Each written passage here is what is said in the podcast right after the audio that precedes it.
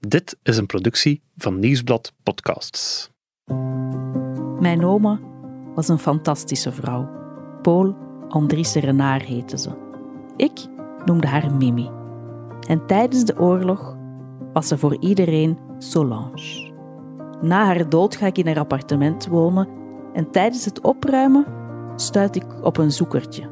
Tijdens de bezetting nam mevrouw Paul Andries Renard samen met André Guelen deel aan het redden van kinderen. Ze deden dat in het kader van het verzet van het JVC. Paul was gekend onder de naam Solange. Als ik dit lees, zit ik met vragen, veel vragen. Hoe komt het dat ik hier niets van weet? Ontrafel mee het geheim van Solange. Dag Sophie. Hey Bert. Sophie, ehm, waar moeten we beginnen eigenlijk? Misschien moeten we hier beginnen? Op ja, we zitten hier in de zitten. studio. Ik kom hier niet zo vaak, Ja, maar ik ben blij hier te zijn, want ik ben, ik denk dat dat nu al wel een jaar geleden is, hier voor de eerste keer geweest. ja. En ehm, ik heb een verhaal dat ik wil vertellen. En ja, daarmee kwam ik naar jou. ja, het is het verhaal van jouw oma. Ja. Ehm, om even te kaderen, ik ben Bert, ik ben podcastproducer hier bij het Nieuwsblad en er komen wel vaker mensen naar hier met de vraag van kijk, ik heb een goed idee, ik heb een goed verhaal, ik wil daar een podcast over maken. Maar bij jouw verhaal had ik wel heel snel zoiets van, wow, dit is echt wel interessant. Eh, het gaat over jouw oma, over jouw oma in de oorlog, over een verhaal dat ze eigenlijk nooit echt aan jou heeft verteld, maar dat we gaandeweg in deze podcast gaan uitzoeken, gaan uitpluizen. En het begint, het begint eigenlijk al heel spannend. Het begint eigenlijk op het appartement van je oma als ze is overleden. Vertel eens. Ja, dat klopt. Ik ben in het appartement van mijn oma gaan wonen toen zij overleden is. Mhm. En eh, hoe dat, dat dan gaat, ja, je moet dat klaarmaken, opruimen, schilderen. En opeens botste ik op zo'n klein zoekertje. Je zou er eigenlijk over kijken. Zo'n zoekertje, dat was nu gepubliceerd in een tijdschrift, 7 centimeter op 5, zoiets. Zo'n krantenzoekertje. Ja, echt zo'n krantenzoekertje. Ja, ja. En daar stonden zoveel dingen op waar ik eigenlijk niks van wist. Ja. Daar stond op dat mijn oma, Paul Andriesse Renard, dat is haar naam, Mhm. op zoek was naar een mevrouw Koenjet, die zij tijdens de Tweede Wereldoorlog in veiligheid heeft gebracht. Tijdens de bezetting nam mevrouw Paul Andries Renard samen met André Guelen deel aan het redden van kinderen. Ze deden dat in het kader van het verzet van het JVC. Paul was gekend onder de naam Solange. Zij is op zoek naar mevrouw Koenjec, die ze kort na haar geboorte op 9 mei 1944 ophaalde in Bosvoorde en in veiligheid bracht. Heb je meer informatie? Kan je helpen? Neem contact op met mevrouw Paul Andriesse Renard op 03 322 3682. Sophie, als ik zo'n zoekertje zou vinden over mijn oma, ja, dan zou mijn mond ook wel openvallen, want ze heeft een schuilnaam gehad in de oorlog. Er is een heel verhaal aan verbonden, blijkbaar, van kinderen redden. Heeft ze daar ooit iets tegen jou over verteld? Nee. Dus ik vind dat zoekertje, ik denk, wow, wat is het deze? Een hele wereld waar ik niks van weet. Mhm. En nogthans, mijn oma, ik heb ze er bijna elke dag gehoord, dus ze heeft echt daar een tijd gehad hè, om daarover te spreken. Jullie hadden een nauwe band. Ja, ik had een hele nauwe band met haar. Wij belden eigenlijk bijna elke dag, gewoon over koetjes en kalfjes. Ja.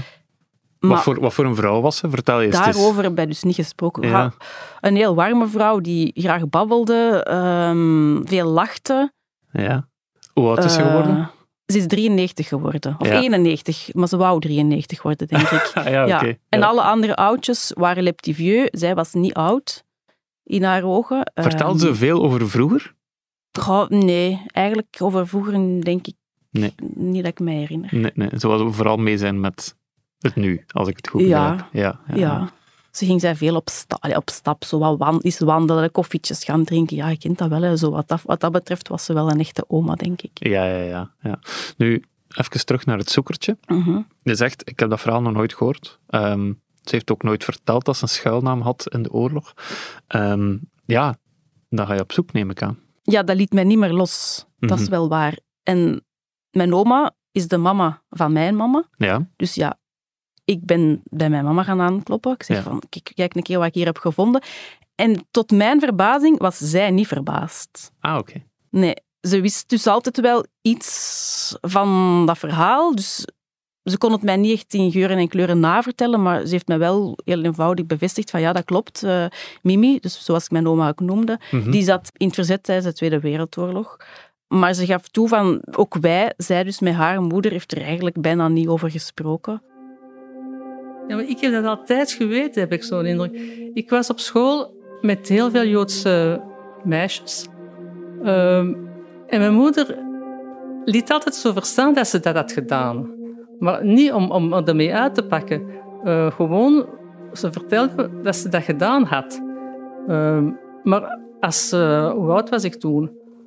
10, 12 jaar. Toen, toen besefte ik niet zo de betekenis van, of de, of de, het gevaar dat ze had, uh, had gelopen om, om het te doen.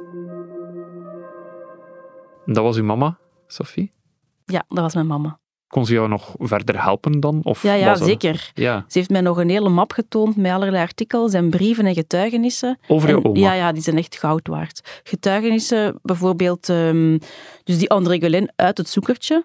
Ja. En mijn oma hebben een hele correspondentie gevoerd na de oorlog. Mhm. En mijn oma, zot genoeg, bewaarde alle kladbrieven.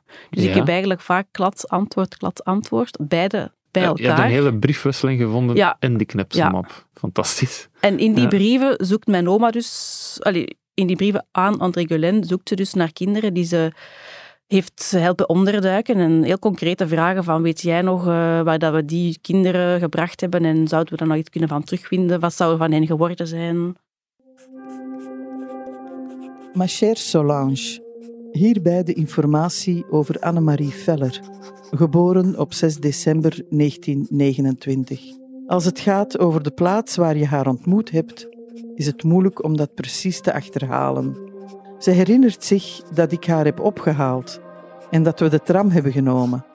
Het is mogelijk dat jij geholpen hebt bij deze transfer van Sint-Pietersleeuw naar Wezenbeek, waar we wel vaker bezoeken hadden. Ma chère Solange, ik hoop dat ik je vragen heb kunnen beantwoorden. Ik sta altijd ter jouwer beschikking. Ik geef je een kus en kijk uit om je weer te zien. André. Cher André, ik heb nog steeds niets vernomen van Jeruzalem.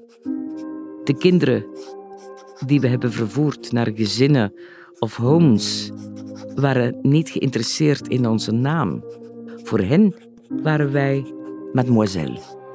Om nog eens terug te komen op de periode 1943-1945. Ik ben nog steeds op zoek naar twee kinderen die ik heb opgehaald in Antwerpen. In de Bleekhofstraat. Maar het kan ook wel de Wiegstraat zijn geweest of de Kievitzstraat. Om hen daar op te halen en hen naar de abdij van het park in Leuven te brengen. Ook zoek ik nog naar de baby die ik opgehaald heb in Molenbeek en die ik eh, naar Woluwe bracht. Dat moet eh, in juni of juli 1944 zijn geweest. Voilà, André. Als je nieuws hebt, laat het me dan weten. Solange. Ma chère Solange. Nadat ik je brief ontvangen heb, heb ik me opnieuw verdiept in mijn documenten, op zoek naar die zaken die jij wenst te vinden, maar met de weinige aanwijzingen die je me geeft, is het erg moeilijk je te helpen, hoe graag ik dat ook wil. Als het gaat over de pasgeborene die je ophaalde in Molenbeek, ik heb een klein meisje gevonden, geboren op 9 mei 1944, waarvan de ouders woonden op de Rue de la Clinique 9 in Anderlecht. Zij heet Koenjec Rosa. Zij zat ondergedoken in Bosvoorde, Rue de Beguinet, bij mevrouw Doget, waar nog vijf andere kinderen waren. Ik geloof niet dat er ziekenhuizen waren in Molenbeek, maar in Anderlecht waren er wel verschillende. Dit is de enige baby die ik uit die periode kon terugvinden. Zou het om jouw baby gaan?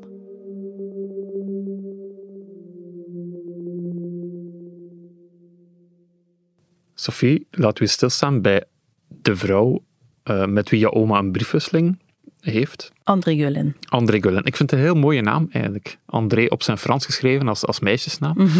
Wie is Ja. André Gullin? Bij ons is ze bijna niet bekend. Mhm. Maar als je ze in Google intikt, dan vind je superveel hits.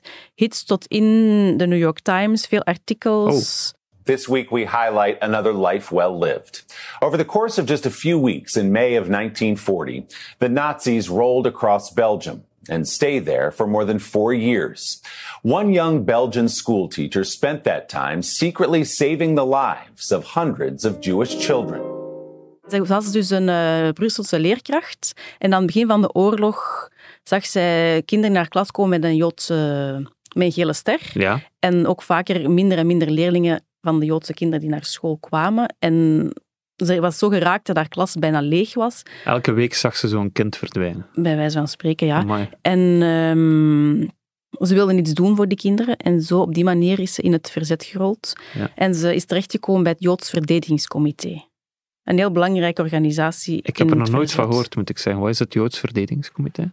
Dat is een verzetsorganisatie die is opgericht rond 1942. Ja, Een beetje vanuit het onafhankelijkheidsfront, de communistische hoek. ja. En die is opgericht geweest met de vraag om Joodse kinderen te helpen en onderduikplaatsen te zoeken eigenlijk. Ah ja, oké. Er was een afdeling van het Joods Verdedigingscomité, de kinderafdeling, die specifiek die taak had. En André Guelen en mijn oma, onder de schuilnaam Solange, waren twee van de drie couriersters in dat netwerk die actief waren. Ja, ja, ja.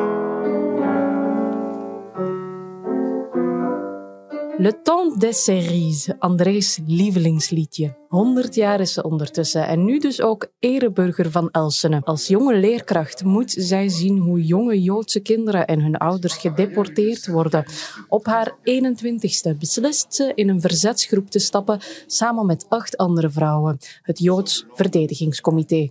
In totaal zullen ze tijdens de oorlog zo'n 2000 kinderen in veiligheid brengen. Sommige van die kinderen zijn amper acht dagen oud. Moi. Dans les risques étaient... Je savais ce que je devais faire.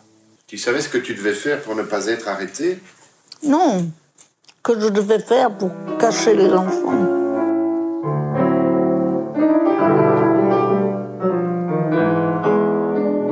Sophie, dat is wel opvallend. Hè? Als je dan nu vertelt, eh, André Guelen, een zeer gevierde verzetsheldin, maar gewoon collega van jouw oma, als we het goed begrijpen. Van haar is van alles te vinden op internet. En van jouw oma eigenlijk quasi niks. Hoe komt dat eigenlijk? Ja, dat klopt. Ja, ik denk dat dat gewoon een ander type vrouw, ander temperament. Voor mijn oma, ehm, ik heb dat ook aan mijn mama gevraagd, was eh, in het verzet gaan, ze moest dat doen. Die vraag, kinderen helpen, kinderen redden, dat kun je niet weigeren. Ja. Zou je het zelf niet doen? Zo, zo was haar eh, idee. En na de oorlog, dat moet een heel turbulente periode geweest zijn en alles gaat snel. De oorlog is voorbij.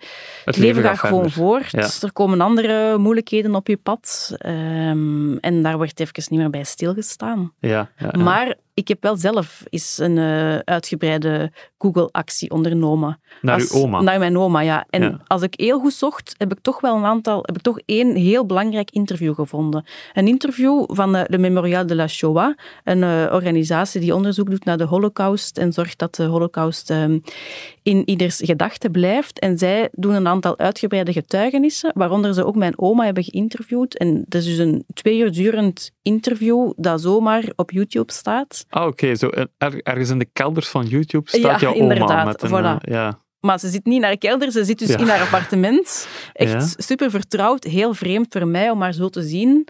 Alsof ze er gewoon is en dat ik haar zou kunnen bellen. Euh, Je m'appelle Paul Renard. Je suis né à Louvain le 8 octobre 1915. Ik heb een magnifieke jeugd gehad. Ik werd echt verwend. Mijn vader en mijn moeder waren altijd in de buurt. En mijn broers en zussen ook. Ze waren ouder. Ik was de jongste. Iedereen was met mij bezig. Ik was de chérie thuis. Alles was magnifiek. Tot ongeveer mijn 21ste.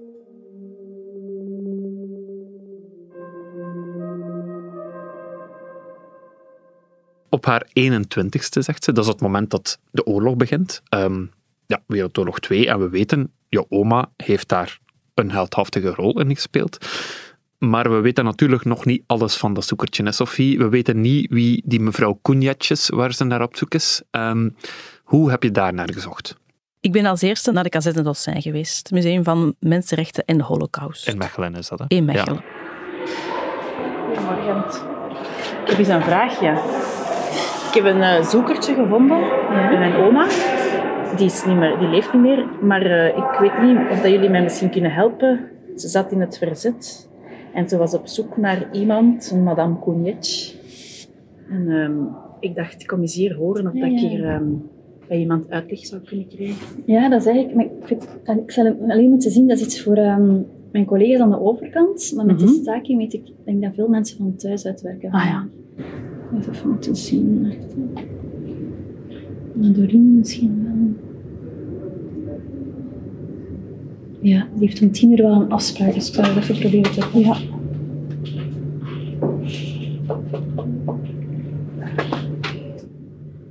Hey Doreen, het is Yashin. Ehm, ik heb een vraagje. Er is een mevrouw aan de balie en zij heeft hier een zoekertje van haar grootmoeder. En zij heeft er eigenlijk een vraag over. Ik vroeg me af of, dat, of dat jij daarmee kan helpen. Ah ja, oké, dat is goed. Misschien. Ja. Ja, zij kan jou helpen. Zij werkt in het archief. Ehm, dat is eigenlijk gewoon hier aan de overkant. Je hebt zo'n ingangsboog en dan links zal je een deur zien en daar kan je aanbellen. Ah, oké. Dat is goed. Dankjewel. Mijn naam is Doreen Stijven. Ik werk sinds 2010 in Kazerne het museum over holocaust en mensenrechten in Mechelen. Ik ben hier archivaris, dus het is mijn taak om documenten, foto's en voorwerpen die gaan over of toebehoorden aan slachtoffers, vooral Joodse mensen, die tijdens de oorlog door de nazi's zijn gedeporteerd, te bewaren en te ontsluiten voor onderzoekers en hun familie. Kijk, hier is mijn zoekertje. Ik weet niet of dat je mij kan helpen. Ja, ja, ja. Dus ja, ik hoop hier eens meer te weten over misschien madame Kounietsch. Eh, ja. Weer zijn? Ja, we gaan hier. Oké. Zullen we een keer kijken? Eh, natuurlijk, Kounietsch is, uh, is daar mij gestaan, is daar getrouwd met. Dat kan ik niet weten. Hè. Nee. En waar heb je daar voor de eerste keer tegengekomen? Hier in dit zoekertje. Ah, Het is eh, blijkbaar een vrouw die mijn oma zocht. niet. En ons archief. Dit is archiefstuk A6616. Je ziet hier al dat dat ja, een beetje fragiel is. Het heeft Mhm. waterschade aan de buitenkant. Dus we een keer kijken bij de K. Om te zien, ja, er zitten hele pagina's los.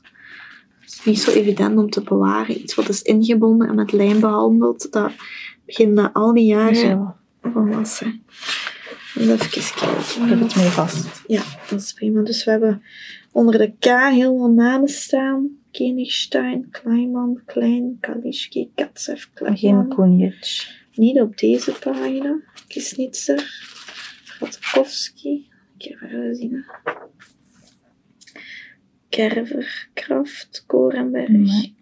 Kwiatkowski, Kramer, Kostutski, Kerner, Koral, Korzi, Kolman. Nee, Krashki, Krashki. Hier zit het al bij de letter. L. Ja. Dat zou kunnen, omdat zij dus inderdaad door Solange is geplaatst. Ah ja. En niet door André, dat ze daarom niet in het, eh, in het boekje staat.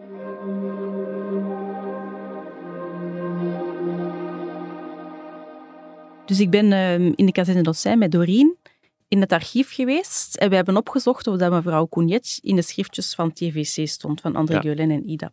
Maar nee, ze stond daar niet in. Dat was een teleurstelling. Ja, dat was echt aan. wel heel jammer. Ja. ja. En dan? Ja, zoek Maar- toch ten einde, of niet? Nee, zo snel heb ik het niet opgegeven. Ik ben nog eens terug geweest, want ik had gehoord dat er heel wat meer was gedigitaliseerd. Van de archieven. Van ja. de archieven. gebeurt wel vaker nu. Hè. Dus, het zijn ja, niet meer om het te allemaal kunnen bewaren stapels voor de toekomst Voilà, is dat wel een noodzakelijke Ja, ja, zaak. ja. Dus ik ben terug geweest en Doreen, we hebben samen aan de computer gezeten en we hebben mijn zoekertje opnieuw door verschillende zoekmachines gehaald. En we zijn begonnen bij het jodenregister. En zo zijn we tot iets gekomen. Laten we eens beginnen met kijken of we een familie kunnen vinden met de achternaam Cognac. Een Joodse Mhm. familie die in België geregistreerd stond. Dus wij hebben eigenlijk ehm, kopieën van het Jodenregister. Eind 1940 van, moesten alle Joodse mannen en vrouwen vanaf de leeftijd van 15 jaar naar het gemeentehuis om zich als Joods te registreren. Dat gaat eigenlijk in tegen de Belgische grondwet. Maar er was een anti-Joodse verordening ingevoerd door het Duits bezettingsbestuur eind oktober. En daardoor konden ze eigenlijk in kaart brengen precies wie een België Joods was en wie niet. Ehm, maar ik zie helaas niet zo meteen iemand met de achternaam Cognac staan. Dat is zeer spijtig. Wat kunnen we nog doen? We hebben een aantal ehm, archieven van ehm, organisaties, zoals de Vereniging van Voormalig Ondergedoken Kinderen. We kunnen daar een keer gaan kijken om te zien of die organisatie misschien een lid heeft dat mevrouw Cognac heet. Oké, we gaan een keer kijken in die ledenlijsten van VZ2, het ondergedoken kind, naar Cognac. Ah, hier, Cognac Paul. Ah, daar staat wel iemand in, inderdaad. Cognac Paul. En die persoon die hier staat, is inderdaad geboren op 9 Ja. mei 1944. Ehm, maar dat is wel opvallend, want de persoon die we hier zien, is geboren op 9 mei 1944 en haar achternaam is Paul. Dus we kunnen ervan uitgaan dat deze, dit kind hier, dat we hier zien, die ondergedoken heeft geleefd onder de naam Annette Koning, dat dat de persoon is Ah ja, Annette Koning. die je zoekt. Ja. Eh, dat dat haar schuilnaam was. En de echtgenoot staat er nog bij, achternaam echtgenoot. Ja, dus ze zou getrouwd zijn, eh Levin. Ah ja. Dus eh, je bent op zoek naar Roseline Cognac-Paul Levin.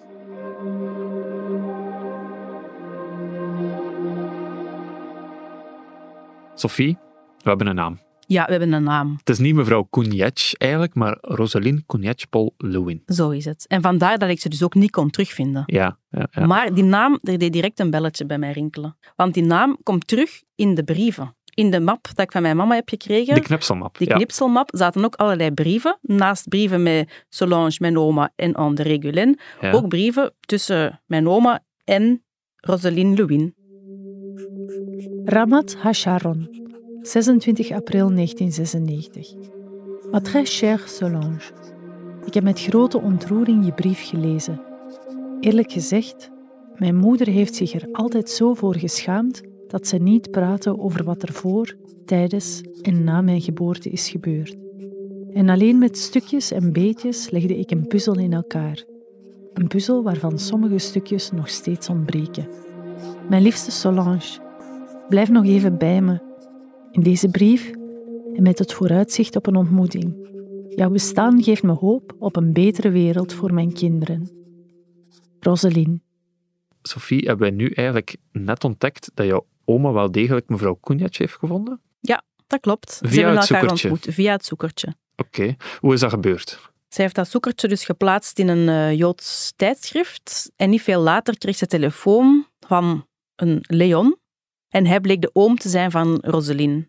Ja. En hij herkende het zoekertje, hij herkende zijn nicht in het zoekertje. Ja. En hij heeft eh, mijn oma de contactgegevens gegeven van, van eh, Roseline, die op dat moment in eh, Israël verbleef. Ah ja, oké. dus die Roseline woonde niet meer in België. Zij woonden op dat moment niet in België, Ja, nee. ja, ja.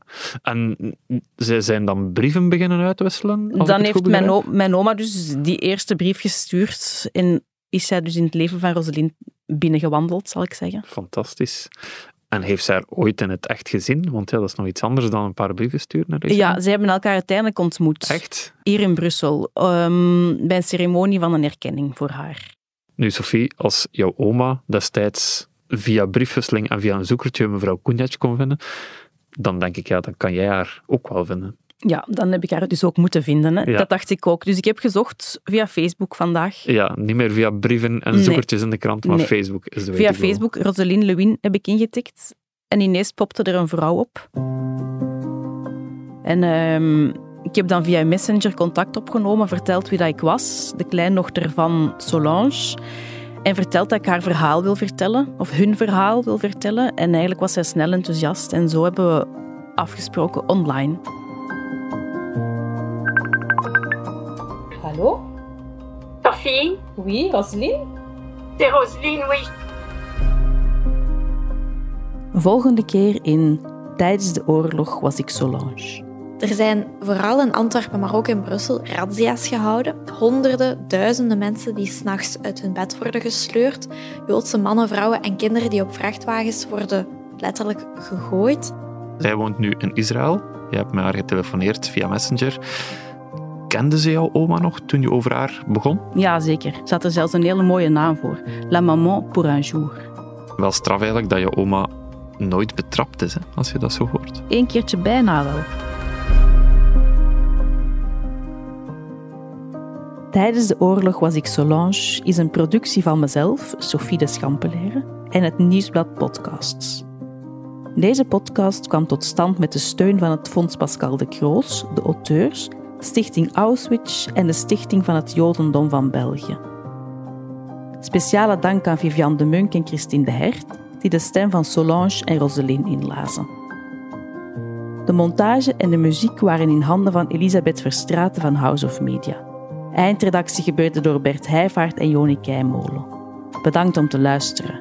Heb je ervan genoten? Laat dan een review achter, zodat anderen ook de weg vinden naar deze podcast.